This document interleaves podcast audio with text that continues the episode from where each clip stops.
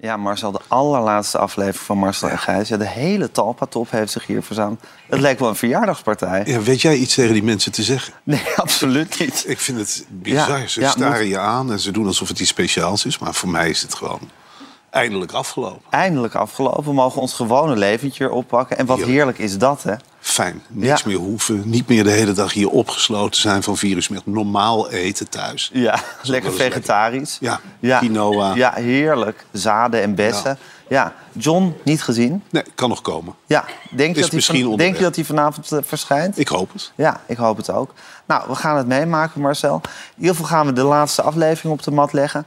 Ja, heb je er zin in? Nou, ik heb zin in dat het voorbij is. En ik Ja, denk dat zeker. dit Nee, maar er is dus nu nog een uur voordat komen. het voorbij is. Nou, ik heb, ik heb er zin in. Ik heb er zin in. Oké, nou, we gaan er wat van maken. De twintigste en laatste aflevering van Marcel en Gijs.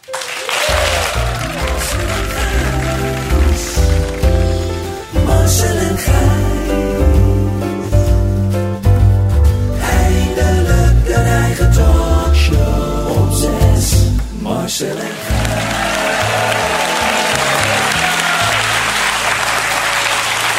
wel echt heel goed gegaan is, Marcel, in die, in die 20 afleveringen die we gehad hebben, is hoe professioneel jij van deze stoel naar die stoel verplaatst Ja, hebt. dat gaat steeds beter. Ja, dat gaat echt steeds beter. En keurig in, in de tune lukt je dat. En je zit hier eigenlijk helemaal ontspannen. Ja, je bent heel enthousiast heerlijk. over de wijn die ze hier schenken. Witte wijn uit, uit Duitsland. Geweldige witte wijn. Ik heb hem pas na 7, 8 uitzendingen ontdekt. En dat was Naar mijn gevoel gaat het ook beter sindsdien. dus eh, drink lekker weg. Praat lekker makkelijk. Lekkere praatwijn. Heerlijk. Heel goed. Eh, wie, eh, Marcel, is onze ja, bijrijder, hoofdgast, vriend van de show? Hoe wil je het noemen? Het is echt, echt iets geweldigs, journalistiek gezien. Je hebt natuurlijk je voorbeelden. En we hebben hier diverse mensen uit de talkshowwereld gehad... maar nog nooit eigenlijk Kleine zo jongens. hoog. Het is- kleine jongens vergeleken wat er nu vergeleken met wat we nu krijgen... is Ja. wel echt het hoogste. Dat is iets gigantisch. Ja, we keken er vaak naar op tv, weet je, het programma Pauw en Witteman. Ja. Dan keek ik niet voor Witteman, maar altijd voor Pauw. Ja. Een, geweldige, een geweldige interview. Ik ben er ook een beetje bang van. Het is echt de top van de apenrots. Ja, die hij is ook heel lang, krijgen. Ongelooflijk lang. Ja. Heel kort gesproken van tevoren. Ik Ja. dacht, Jezus, nou dat wordt wat. Wat lang, Ja. wat veel. Ja. Nou ja, eh, laten we maar bijroepen. Jeroen Pauw. Ja! Hallo Jeroen. Welkom. Dankjewel. Hoe gaat het met je? Nou, wel, wel goed. Hoe was je moet dag? Zeggen, Ja, wat? ik verheugde me wel op deze dag. Hoewel het ook anders is als je niet zelf het programma doet en te gast bent. Je hebt geen idee eigenlijk. Ja, je bent niet Veel echt... ontspannender toch? Nou, ik vind het fijner als ik het zelf doe. Ja, serieus, waarom? Ja, nou, dan weet ik wat ik met jou ga doen en met jou ga doen. En nu denk ik, ja, ik weet ook niet precies wat de jongens allemaal in hun hoofd hebben. Dat weten wij ook niet, dus dat is het goede nieuws van goed. vandaag. Dus eigenlijk horen we een beetje bij elkaar. Eigenlijk zijn we met z'n drieën gewoon in hetzelfde zwarte gat aan het springen nu. Had je dat gevoel eigenlijk als je aan een uitzending, als je aan een uitzending begon... of dat je heus wel voorbereid had... maar toch ook dat je altijd in een zwart gat springt? Nee, ik dacht. ehm, ik probeerde hier aan deze tafel, als de gasten er ook waren, de laatste vijf, zes minuten zoveel mogelijk sfeer te maken. Dus oh ja, dat vinden wij heel moeilijk. Ja, Ja, nee, we maar echt. schieten of door, Ja. of we doen het te cool. Ja. Het is nooit goed. Nee, Wat ik zag deden jullie nu een beetje. Jullie begonnen heel vrolijk en daarna bleven Ja, jullie daarna gaan we hier... Ja. best wel weer een paar minuten stil. Jij zat, dacht ik, nog een beetje iets te repeteren. Misschien met de autocue. Ja, de autocue te En, repeteren, eh, Ik zat ja. een beetje daar te kijken. En, Maar hoe eh, deed jij dat dan, Jeroen? Nou, een beetje praten met de mensen of ze het leuk vonden, wat ze gedaan hadden. Een beetje als je het publiek. Wat een natuurtalent. Ja, ik voel me alweer Dan- verschrompelen als je dit allemaal Nee, maar toch is het wel zo dat het, het, het jammere van wat er nu bijvoorbeeld bij op 1 is, waar geen publiek zit, is dat het ook daardoor. Het publiek maakt natuurlijk ook voor een groot gedeelte de sfeer in een talkshow. Ja. Gisteren. Ja, ik weet niet precies waar het publiek vandaan kwam. Ja, nou, ze waren van tevoren ongelooflijk enthousiast. Dus waren we werden leeg. met, met gejuich werden we begroet. Ja. En ik weet niet hoe we het gedaan hebben. Na vijf minuten was het gewoon een begraafplaats. En ik weet niet hoe jij het dan nog keert. Ja. Maar dan, dan voel je je hier, dan zit je en ik denk... ja, Ja, ik, ik moet nu het, nog eh, grappen gaan doen bij twaalf Ja. nieuwtjes. Ja, Ja. dan is het niet meer fijn, hè? Nee, dat is het he- absoluut niet meer fijn. Nee. Dus je bent ook wel een beetje gastafhankelijk. Ja, ja gastafhankelijk en publiekafhankelijk. Ja, Ja. Maar goed, het kan dus ook zijn dat het hier een soort stomende kookpot is voordat je begint. En dan als je eenmaal begint, dat dan ineens iedereen voelt... oh ja, Ja. moeten we dit nog 40 minuten aanzien? Ja. ja, Ja. het leven is uiteindelijk ook gewoon iets heel onvoorspelbaars, Jeroen. Dat moeten we toch ook met elkaar concluderen? Ook zo. Ja, mis je het ook nog wel eens? Gewoon elke dag lekker aan een tafel zitten? Nee, En, niet, eh, niet elke dag, maar er zijn natuurlijk wel momenten... als er echt veel nieuws is of als er iets bijzonders gebeurt... dat ik het wel mis. Dat ik het jammer vind om het niet te doen. Maar ik vond vijf dagen in de week best wel eh, een lange periode. Hè, 14,5 jaar om precies te zijn. Laat, s'nachts pas om een uur of half drie hoe thuis. heeft die man dat volgehouden, Marcel? maar hoe We waren na een maand al kapot. Ja, maar hoe deden jullie dat ook met elkaar? Jullie, ik bedoel, waren jullie ik vrienden? Ja, Of, eh? waren jullie vrienden? Eh, hoe zagen jullie elkaar smiddags al? En hoe was dat? Nou, wij, ehm, wij zaten heel dicht op elkaar. Wij, Ja. wij zaten echt naast elkaar met de stoelen. Bij We konden elkaar voelen en, en ruiken en de adem eh, horen gaan van de ander. Hoe ruikt hij uit zijn mond, Paul Witteman? Naar viooltjes? Er waren wel eens momenten dat ik dacht, hij ruikt inderdaad uit zijn mond. En dat zal hij vermoedelijk ook wel bij mij hebben Tuurlijk. Maar het voordeel was wel dat wij ook altijd al hetzelfde hadden gegeten die avond. Perfect. Dus, ja. dus als je al wat ruikt, ruik je, Ruik je ook het zelf. jezelf eigenlijk. Ja, precies. We zaten dicht op elkaar. Ehm, we spraken elkaar de hele dag eh, over onderwerpjes, over gasten en wat dan ook. Maar dat betekende ook dat we het weekend wel genoeg van elkaar hadden. Dus het was niet zo dat we op zaterdagavond nog gezellig uit eten gingen of iets anders. Nee, dat zou wel totaal gestoord Ja. zijn. Ja. Hey, en eh, eh, ruzies, irritaties? Paul had eh, ergernissen dat ik eh, zat te zuchten. Ik kan nogal vaak zuchten. Ja. Als ik het gewoon dat ik het saai vind. En het is natuurlijk nog wel eens saai. Dus dat hij zijn gekte interviewen en dan zat jij daarnaast te zuchten. Of dat ik zo ging zitten, vond Ja. hij ook vervelend. En, ehm, en ik heb één keer, maar dat is ook maar één keer geweest... dat hij eh, met, met Alexander Pechtold wilde doorzagen over het feit... dat Pechtold een linkse samenwerking aanging. Terwijl ik zei, wat nou linkse? Pechtold is helemaal niet links. Ja, maar het is toch een linkse samenwerking. En toen heb ik uit protest geen enkele vraag gesteld. En, eh, Een goed onderwerp om Ja. ruzie over te gaan maken. Nou ja, Of dus da- da- daar zaten we dan een beetje, Nou goed, als maar voor de als- rest? Als, als dat het is, dan valt het toch allemaal reuze Ja, zeker. Al die Dat is het ook. Ja, oké. Jeroen, we gaan een bak nieuwtjes met je doornemen. Eh, Marcel en ik met jou, want daarvoor zit je hier uiteindelijk. Dat is ja. Jouw, jouw hogere doel in deze show. Dus ga ik nu beginnen. Topdrukte vandaag bij de tankstations. De laatste dag met korting op de accijns op benzine en diesel... zorgt voor drukte en lange rijen. Enkele zijn zelfs droog komen te staan. Automobilisten in Hogeveen reageren op de stijgende brandstofprijzen. Het is zoals het is. Ik kan het ook niet veranderen. Mopper een keer en we rijden verder. Dat is toch Nederlands? We pikken toch alles hier? Nou, dit dan ook maar weer. Mazzel. Ja, van dit soort Nederlanders word je toch gewoon bang? Ja. Dit is de gemiddelde Nederlander, die wil je gewoon niet. Ik, ik, ik snap het ook niet dat je de hele dag naar Ik vind het wel goed dat je bij de laatste uitzending gewoon echt tegen SBS6 gaat keren. Ja, nou, dit is wel het moment inderdaad. Maar dit, daar ben je het toch met me eens. Dit soort mensen die voor een dubbeltje, of het is een paar cent... de hele dag bij een tankstation in de rij gaan staan. Daar kijk ik wel een beetje op neer. Ook al heb je weinig geld. Ik vind toch dat er een zekere, ja, er een zekere lat is waar je niet onder moet duiken. Nou, de bozigheid van die meneer ook, we pikken dit allemaal ook in Nederland maar. Dat is op de rand van revolutie. Terwijl tegelijkertijd, eh, als het gaat over het bestaansminimum... er ook vandaag cijfers zijn binnengekomen waar je wel wat serieuzer over zou kunnen zijn. Want als er een miljoen mensen op of onder het bestaansminimum leven in ons land... ja, dat is eigenlijk belangrijker toch dan die liter... Door die paar cent van die literprijs. Ja. Ja, dus deze meneer had tegen die verslaggever moeten zeggen... ik betaal die paar cent graag, maar heeft u dat gelezen van dat bestaansminimum? Ja, gaat u daar eens een onderwerp Gaat u daar over eens een maken? onderwerp over Ja. maken? Ja, dat was veel beter geweest. Breaking news hier op het Mediapark.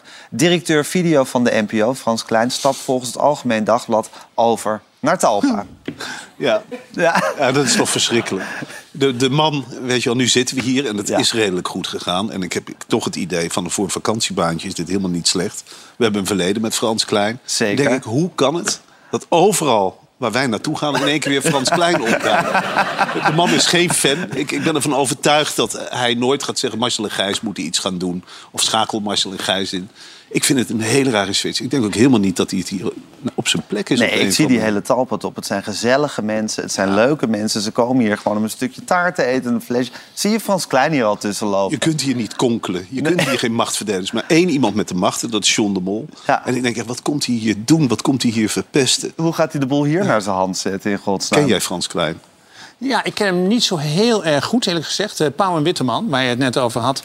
Eh, Paul Witteman was van de VARA en ik was van de NTR. En eh, op een gegeven moment moest ik ook naar de VARA toe. En toen had ik een gesprek met hem. Want het was een soort samenvoeging van die omroepen. En toen haalde hij uit zijn binnenzakje haalde hij een interviewtje... wat ik ooit ergens gegeven had. Waarin hij zei, ja, ik wil het toch even met jou over hebben. Want hier staat, ik heb niet zo heel veel met de VARA... en al dat linkse gedoe.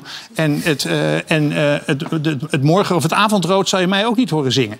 Dat had ik inderdaad een keer gezegd. Ja. En toen zei hij van, ben jij wel genoeg VARA? Dus hij vond dat heel erg belangrijk. Toen Jack Spijkerman naar, eh, Talpa eh, ging? naar, naar- met John de Mol in zee ging... was dat ook Talpa toen al? Ja, of tien heette het toen, geloof ik. Ja. Toen was hij daar best wel boos over. Ja. Dat weet ik nog wel. En hij zei toen nog in de... in Even in de- idem dito, toen ze vertrok. Nou, ja, ga door, ga door. Ja? Oh ja, ja, want ik weet niet, want Eva Jinek hem en eh, had hij daar iets mee te maken? Nee, maar toen was hij wel baas Oh ja, toen was hij NPO-baas Ja, of zo. ja. Ja, maar toen was hij VARA-baas. En dat vond ik echt heel erg dat Jack Spijkerman die, die overstap maakte. En toen, toen ontstond er een soort woordenwisseling daar... waarvan hij later terugkwam en zei... de volgende keer bijt ik zijn neus af. Echt waar? Wat een fel kereltje is het toch, hè? Ik vond dat ja, wel mooi. Ja. Ik vond dat wel mooi. Maar Jeroen, jij, jij produceert toch ook ongeveer elke talkshow... behalve deze die er in Nederland gemaakt nee, wordt? maar één. Namelijk? En, en, en dan zijn we nog, daar Op zijn één. wij co-producenten in ook. Ja. Dus dat betekent dat de omroepen die bepalen elke dag wat er gebeurt. Maar je hebt Frans En- één keertje ontmoet in je leven... toen hij dat interviewtje uit zijn binnenzak Nee, ik heb, hem, ik heb hem, dat was de eerste keer.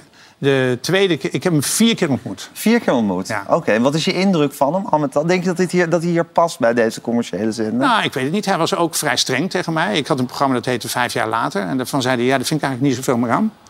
Dus daar gaan we mee stoppen. Toen mocht boven ergens door Ik hebben. vond het wel fijn dat iemand gewoon helder is. En dat was hij wel. Ja, ja. Ja, hij is niet dood, maar dat, dat, dat was hij Zeker. toen tegen mij. Nee, nou, we gaan het meemaken, Marcel. Ja. Ja. Ik hoorde jullie eh, een soort lofzang op hem doen vanochtend bij de podcast. Dus Ja, ik denk ja. we hebben het, dat vrij, goed zit. we hebben het vrij vaak over hem gehad. Denk je dat hij dat dan misschien ook gehoord heeft? Jeroen? Allemaal onthouden heeft? Ik weet het Zou dat kunnen? Misschien- is het zo'n type? Misschien- Als hij allemaal oude interviewtjes uit zijn binnenzak... luister gewoon even de podcast van vanochtend. Dan weet je een beetje en misschien hoe... nog een paar andere.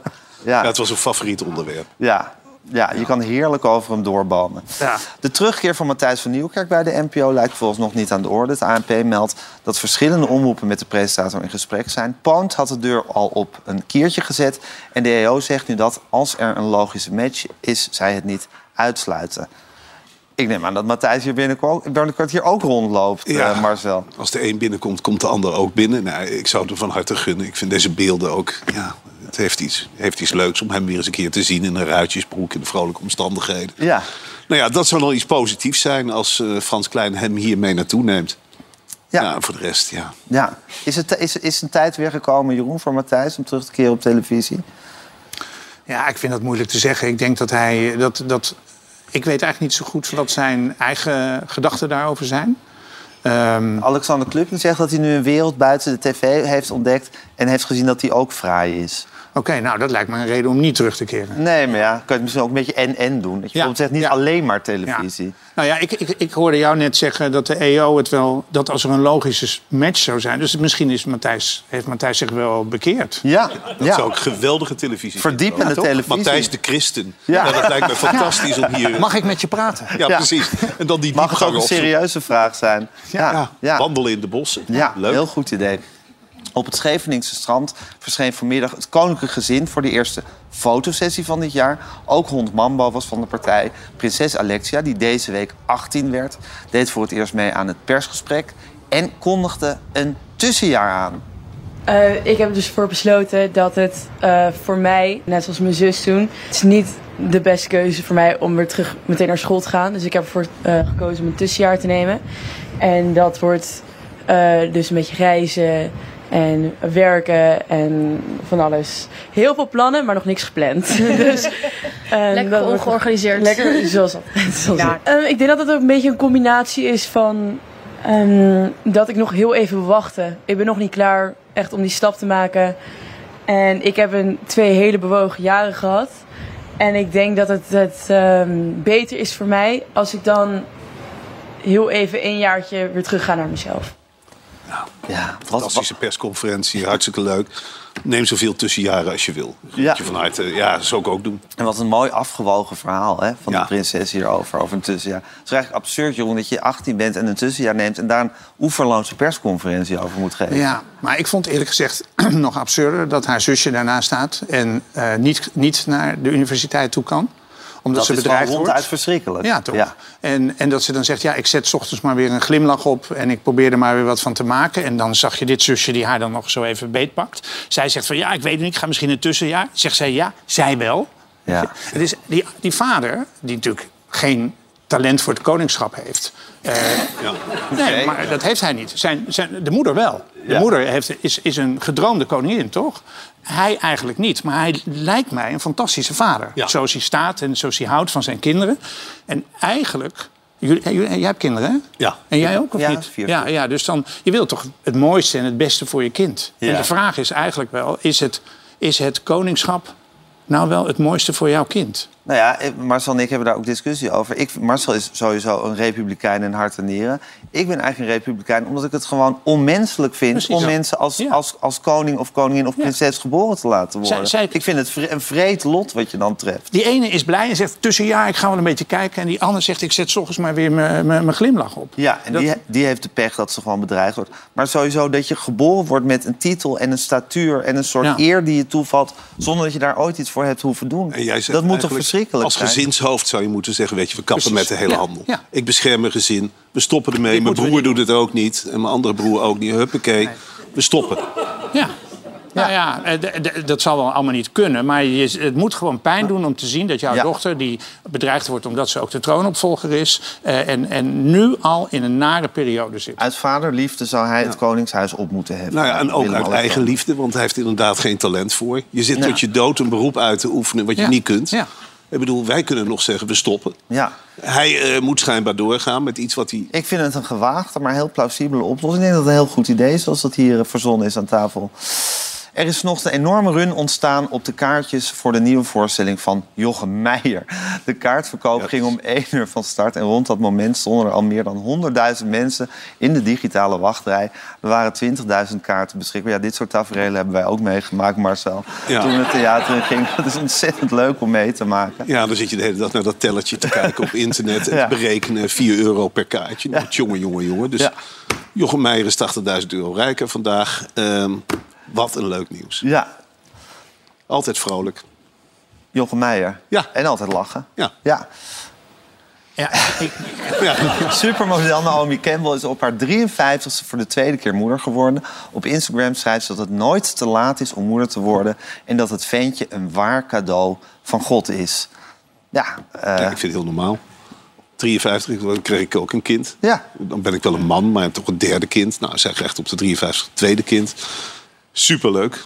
Eh, ik wist niet dat... Ja, het is knap dat het nog kan. Ja. 53 is toch een late leeftijd om een kind te krijgen. Ja, en voor de rest weet ik er echt helemaal niks over te voor zeggen. jou ook nog mogelijkheden te over, Jeroen? Dat kan altijd nog. ja de, als man kan je natuurlijk sowieso vrij lang door. Tot oeverloos kan je je nog Maar voortplanten. het, het, het heeft niet helemaal mijn, eh, mijn, eh, mijn, Voorkeur? mijn voorkeur dit. Maar he- heeft zij dit eh, kind zelf gebaard ook, of niet? Dat staat niet op de autocue, ik heb geen idee. Ja, dat weet ik niet. Maar daar ga ik wel van uit. Er, staat, Iemand zij in heeft een oortje kind zegt gekregen. draagmoeder. Ja? Draagmoeder. Serieus draagmoeder. Dus iemand, nou, ze is niet, ze is, iemand is voor haar draagmoeder geweest. dan Oh, denk zo ik. kan ik het ook. Nou ja, dat dan is, vind ik het... eh, eh, ja. ja. Misschien kon iemand voor jou ook draagvader worden, Jeroen. Dat je het niet helemaal zelf hoeft te doen. Zijn zoveel draagvaders. In de Tour de France hoef je dit jaar niet te zoeken naar een renner met startnummer 13. Voor het eerst in meer dan 60 jaar heeft de tourorganisatie het ongeluksgetal niet toegewezen. Geruststellend. ja, Ja, als dat ongeluk brengt, moet je het vooral niet doen. Maar brengt het ongeluk? Ja, ik heb geen idee, maar het is voor het eerst niet toegewezen. Het zal wel een reden hebben. Ja. Het- het- het- Ik kan van dat dit dit iets is wat jij irritant vindt, Jeroen. Dit soort bijgeloof. Nou, nee, ik, ik heb, als ik fietsers zie, denk ik altijd al dat je pech hebt, eigenlijk. Want? Nou ja, gewoon, je ziet eigenlijk als je kijkt... Ik ben niet een vervent wielrenfan, maar ze, ze vallen. Eh, en ze vallen best wel hard en dan liggen ze allemaal op elkaar. Dus Ja. het is, elke dag is er wel iemand nummer 13. Ja, Ja. precies. Eh, en ik heb er En zelf... ik vind eh, sowieso al dat gefiets ook. Ik vind het belachelijk. Ik, ik woon in Wormer, dat is dan zo'n lintdorp Ja, in Noord-Holland. allemaal. En op zaterdagen komt daar een hele kudde uit Amsterdam voorbij. En het zijn echt niet de gezondste mensen die op die racefiets klimmen. Altijd wat te dik en te strakke pakjes. En ze gaan allemaal lunchen en ze proberen zo hard mogelijk te fietsen. Het heeft iets zieligs. Ja, doe het, iets, niet. boven de 40 heeft het echt iets Ja. Dus zo'n nummer 13 in de Tour de France, prima. Maar je kan ook gewoon denken van... moeten we hier überhaupt wel met z'n allen mee doorgaan. Er wordt veel opgedoekt als we hier aan tafel zitten. Bondscoach Andries Jonker heeft vandaag zijn selectie bekendgemaakt voor het WK voetbal voor vrouwen. Het toernooi begint over drie weken in Australië en Nieuw-Zeeland. Meest opvallende afwezige in de selectie is 93-voudige international Shanice van der Sande. Ja. Die kon zo goed tegen een bal schoppen, Marcel. Die kon heel hard schieten. Ja. En ook af en toe, hier dan raakt ze de bal met haar hoofd. Ja. Ze was niet de populairste speler van, eh, van het Nederlandse elftal. Om de een of andere reden, ik weet ook niet waarom. Maar, eh, maar ja, goed, we zullen het zonder haar moeten doen in Nieuw-Zeeland. Was ze binnen het team niet zo populair? eh, Nee, binnen, bij de supporters. Voor, en Oh. dat zegt wel wat hoor. Vrouwen voetbalsupporters zijn heel positief ingesteld. Ja. Maar zij lag op de een of andere manier niet helemaal goed. Oké. Omdat ze te zelfverzekerd was. te zelfverzekerd. Bij Het vrouwenteam is toch een beetje... Van, we doen het oh, met z'n ha, ha. allen. Ha, ha, ha, mooie bal dit, mooie bal dat.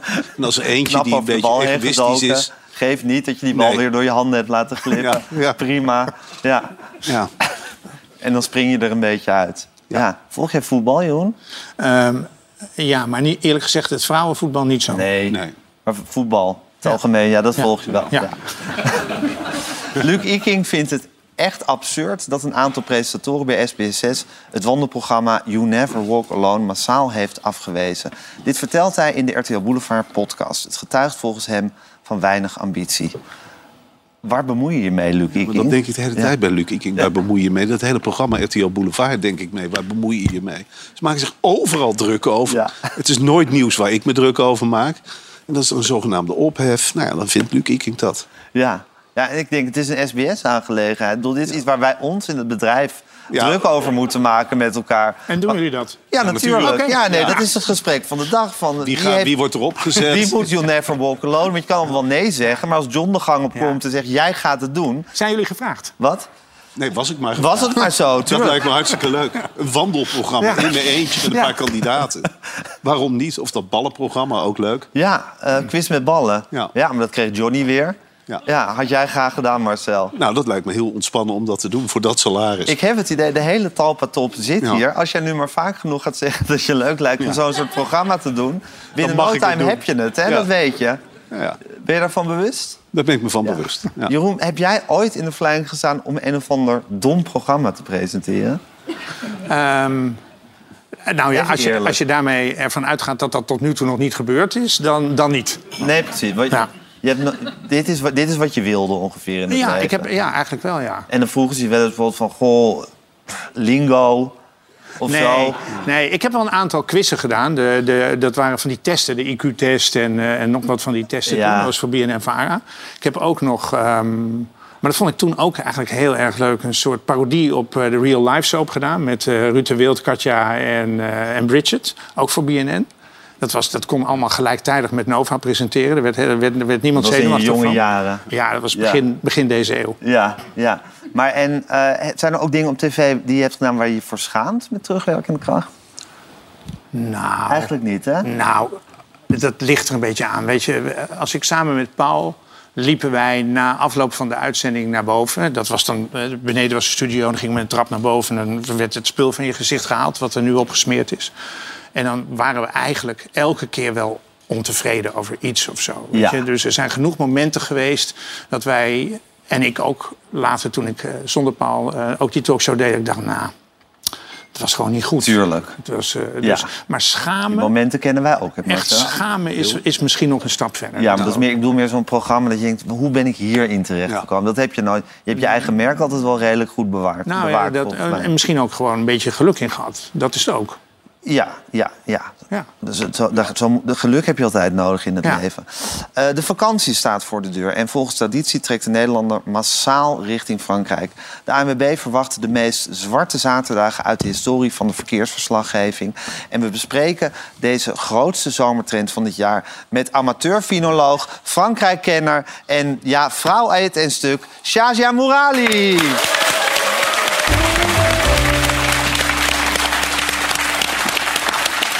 Ja, want zeg je, Frank, zeg je vakantie, dan zeg je Frankrijk. En zeg je Frankrijk, dan zeg je Shazia.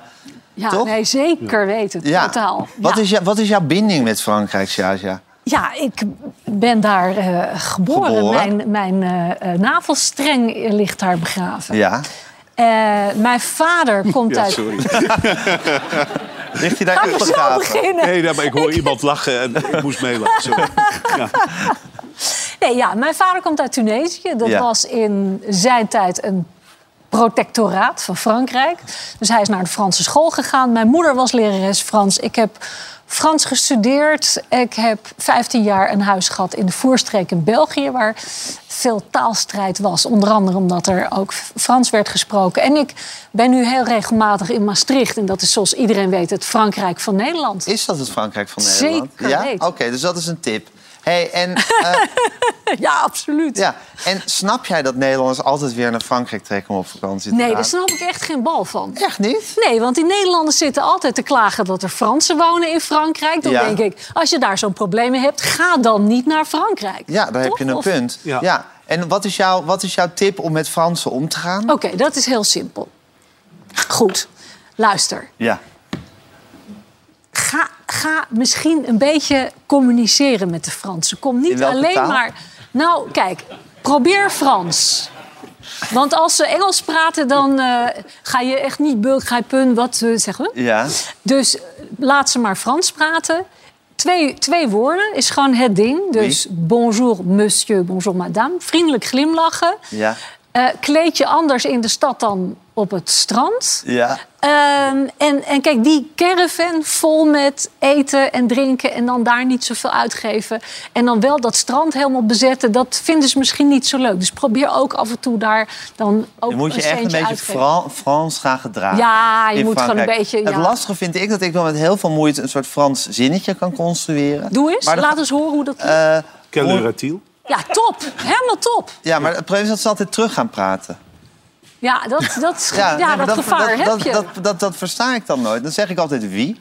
Oui, bedoel ik. Ja. Dan word ik uit- als antwoord. Nee, dat is verkeerd. uit, Nee, want het moet wie monsieur of wie madame. Je moet wel beleefd blijven en heel erg glimlachen. Maar het feit dat ze je antwoord geven, betekent dat ze goed zegt al heel zijn. wat. Dat ze goed welwillend zijn. Zeker. Oké, nu is er een andere trend die wij verontrustend vinden in Frankrijk. Shaja, en Wat dat is de de- eerste trend? Eh, dat we Frans praten. En dat we, dat we weer veel naar Frankrijk op vakantie gaan. Jij ook wel, eens- heb je ook wel eens onderwerpen dat je denkt, waar heb ik het eigenlijk over? Ja, Meestal voor, zeggen hè? we dan 's middags van, moeten we niet doen. ja maar het, het glipt er ook wel eens doorheen. Ja, natuurlijk, natuurlijk. Shaja, er is een andere trend in Frankrijk waar we het even over moeten hebben. En dat is de alcoholloze wijn. Ja. Die wordt populairder en populairder. Er worden ook, zijn nu ook, komen ook wijnkelders vol alcoholloze wijn. Ik denk, Frans, het zijn zulke scherpslijpers en maximalisten, eigenlijk en puristen ook. Hoe kunnen ze dat drinken? Ja, ik eh, moet nu eventjes een razendsnel referendum doen met mijn nieuwe Brabantse vrienden. Heb je nu al Brabantse ik heb nu vrienden al gemaakt? Brabantse vrienden. Ja. Oké. Wijn zonder alcohol. Ja of nee? Ja, maar waarom... Dit waarom is de uitkomst van de, van de enquête. Heel goed. Ja, nou, ik snap het heel goed hoor. Ik bedoel, wijn zonder alcohol, wat drink je dan nog? Ik heb het één keer in een kerstpakket gehad. Ja. Ehm, en mijn Van- grootsteen werd ineens heel dorstig. Van wie kreeg je dat kerstpakket? Van de NTR. Van de NTR? ja, ik had een hele, ver ik had een hele mooie serie gemaakt over Puccini, een Italiaanse componist. En dan Fantastisch. krijg je wijn zonder alcohol. Een belediging. Maar hoe komt het dat Fransen daar toch aangaan, denk je? Zijn ze fou? Dans la tête? Ah, mais tu parles très bien. Oui. Bravo. Ja? Ehm, voor de buitenlandse markt, denk ik. Ja, precies. Zoiets. Jeroen, drink jij alcoholloze wijn? Nee. Nee. Oké. Nou, dan zijn we het Maar, hier maar die, die kerstpakketten bij de NTR. Bij BNNVARA heb je ook altijd van die kerstpakketten... waar je eigenlijk helemaal niks aan hebt. Fair trade bonnen, chocola, chocola zonder suiker.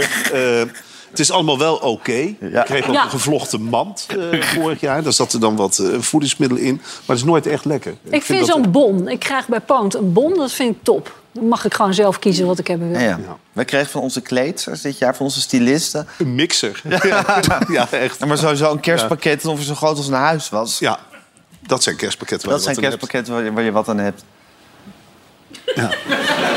Ja?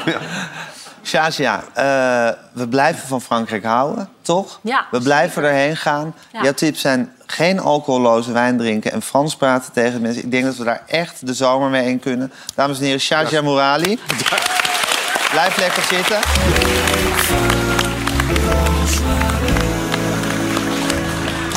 Ja, geweldig dat je bent gekomen. Het is, het is fantastisch. Het is wel heel leuk om Shaja weer even te zien.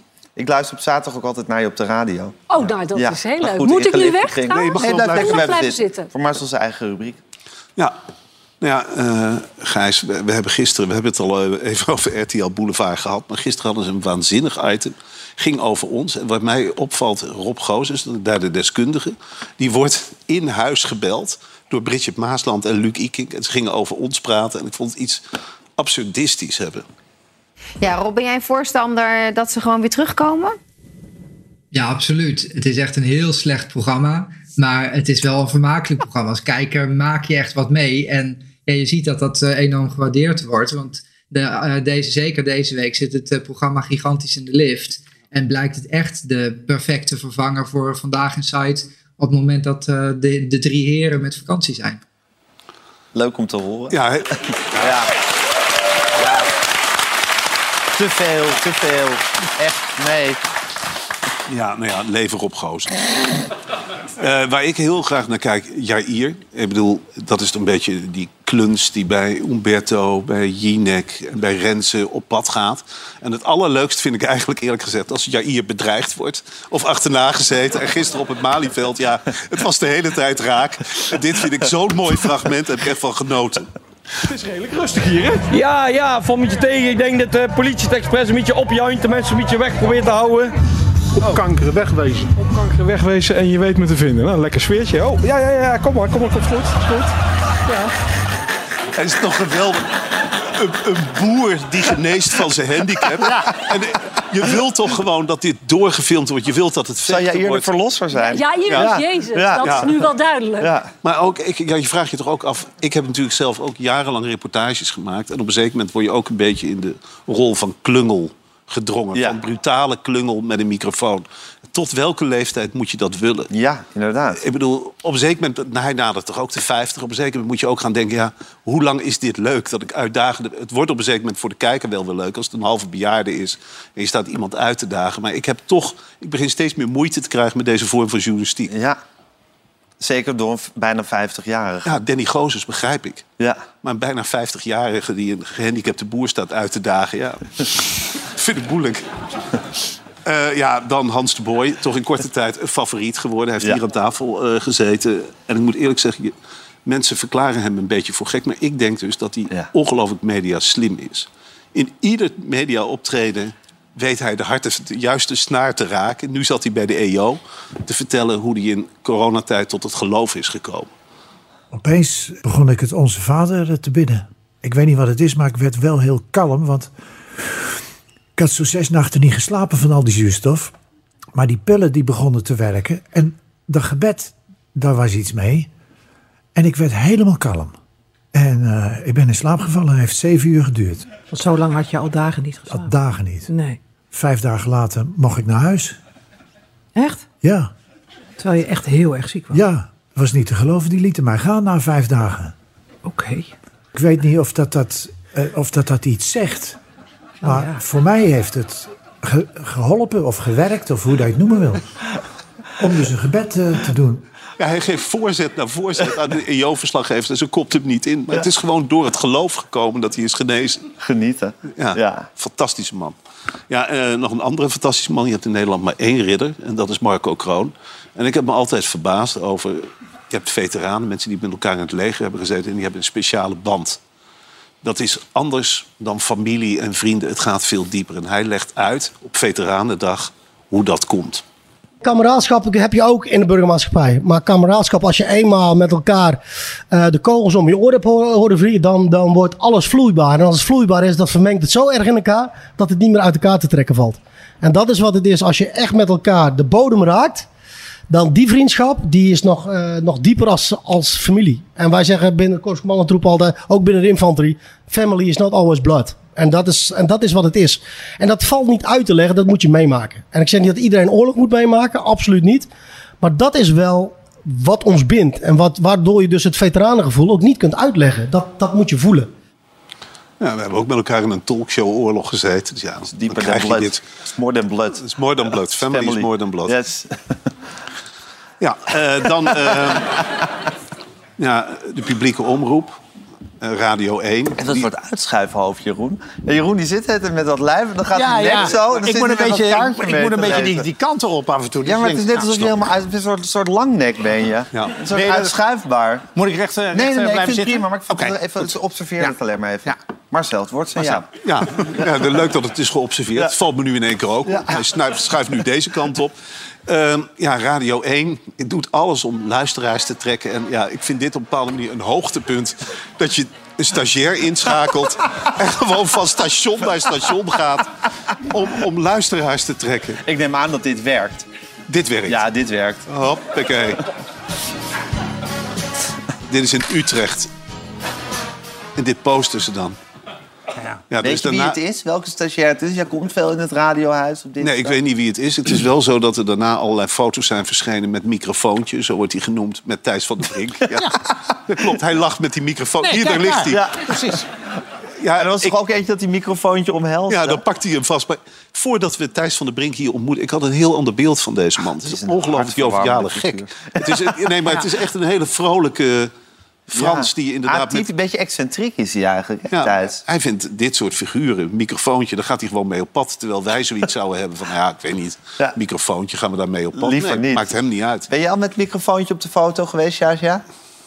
Nee, helaas. Nee, Nee, Maar ik, misschien zaterdag? Ja, het is, eh, het is een geweldig eh, Fonds. plan. Ja, Want we hebben het er wel nu over. Marketingfonds, Ja. precies. Nou, en Sjaasja, het volgende filmpje is echt iets voor jou. Want Oh. ik, ik stel me bij jou ook, als ik naar jou kijk, kan ik me een soort hond voorstellen.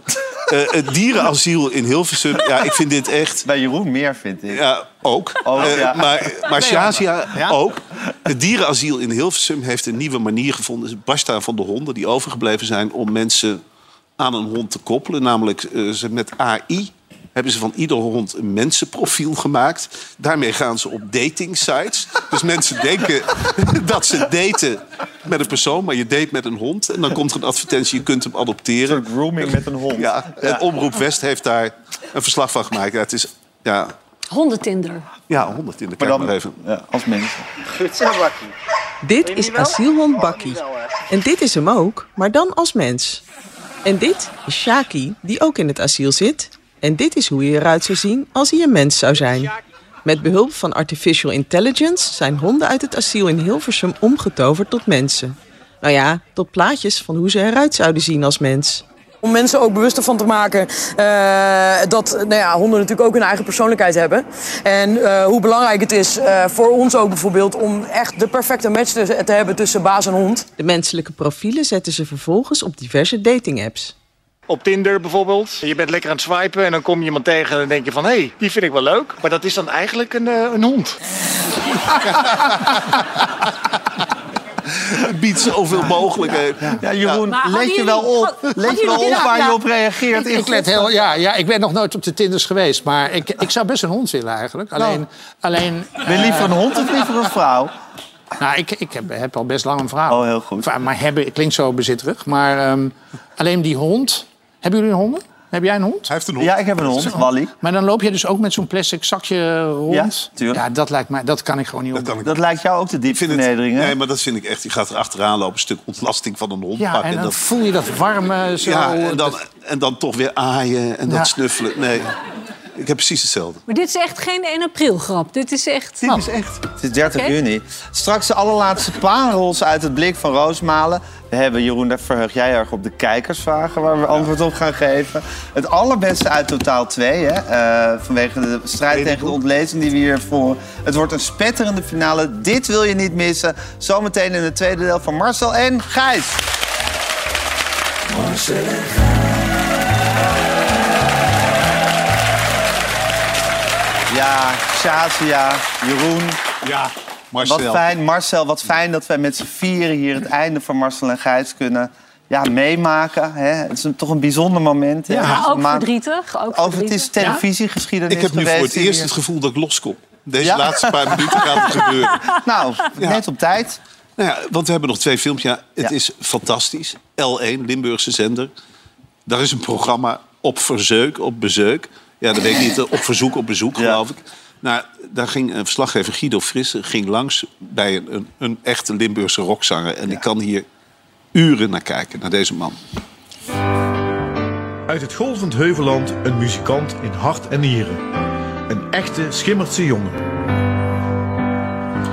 Zijn hart klopt niet alleen voor slagers, maar ook voor stevige rockmuziek.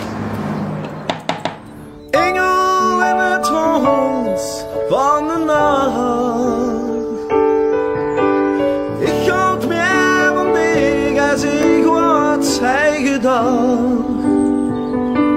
Engel in het hond van de nacht.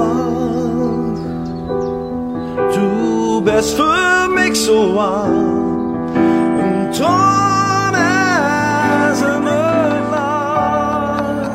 Ik heb in Nijmegen gestudeerd. Eén verkeerde afslag en je staat in het maisveld met een microfoon in plaats van dat je hier zit. Ja, en dan ja, het laatste, Omroep Brabant. Eh, hoe heet het? De Beekse Bergen heeft een naam goed voor dieren te zorgen.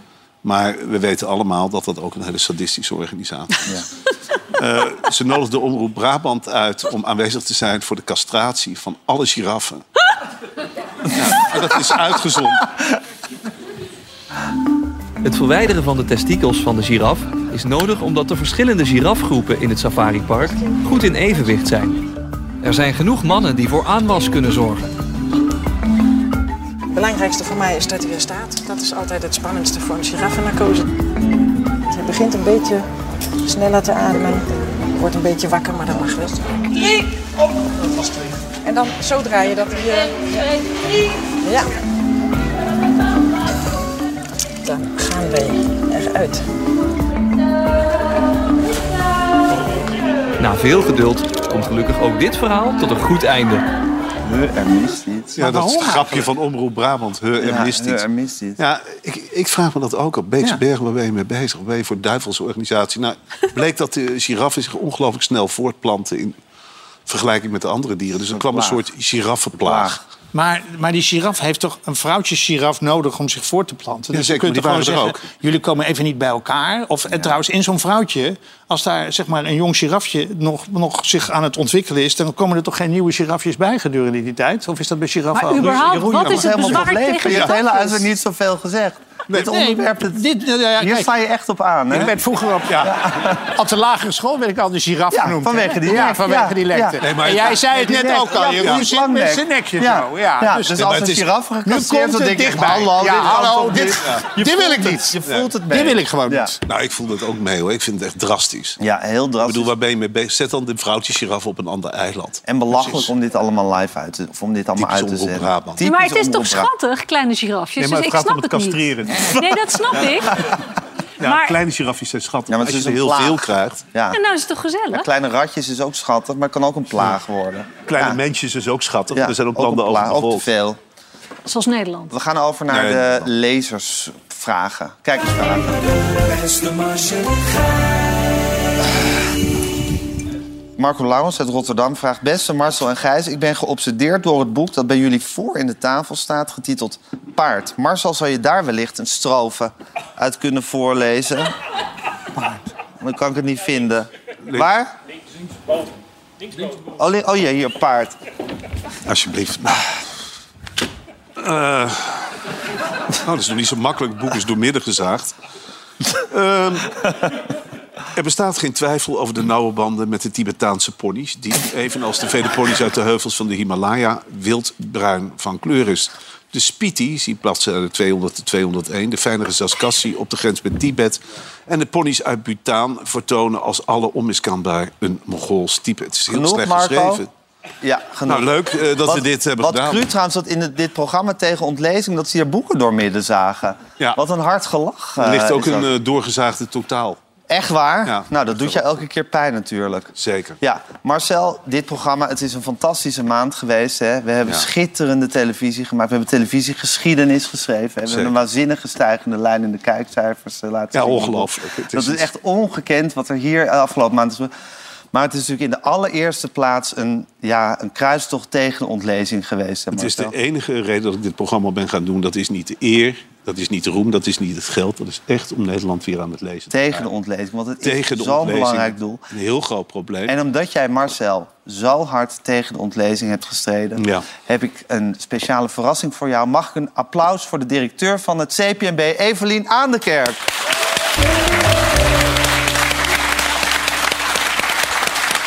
Dan komen de waterlanders, hoor. Nu komen de waterlanders.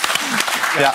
Marcel. Ja. het is werkelijk geweldig hoe jij de afgelopen maand, avond aan avond, hebt gestreden tegen de ontlezing. En hoe jij de liefde voor het lezen en het boek hebt aangewakkerd bij al die honderdduizenden kijkers. Ja. En wij strijden daarin zij aan zij. Ja. Zeker. En daarom vind ik het een eer dat ik namens de CPNB, dat is de collectieve boekpromotie in Nederland, dat ik jou mag kronen tot ambassadeur van de leesbevordering. Deze is voor jou. Fantastisch, dank u wel. Maar is er niet klaar? Want... Het geldbedrag. Nee, nee, dat hebben we niet. Nee, want dit is een zeer felbegeerde speld. De enige echte ambassadeurspeld. Hij is voor jou, Marcel. Ja, en Nou. terecht, Dankjewel. dames en heren.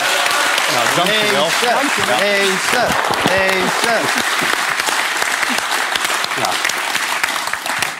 Marcel. Ja, de hoogste onderscheiding van het land zo'n beetje. Ja, precies. Die je dan toevalt. Ja, nou ja, ik heb tegen de ontlezing gestreden. Eigenlijk aan de hand van één boek. hè. Dat- dat- In één boek koop je eigenlijk duizend boeken. Er staan duizend verschillende verhalen in.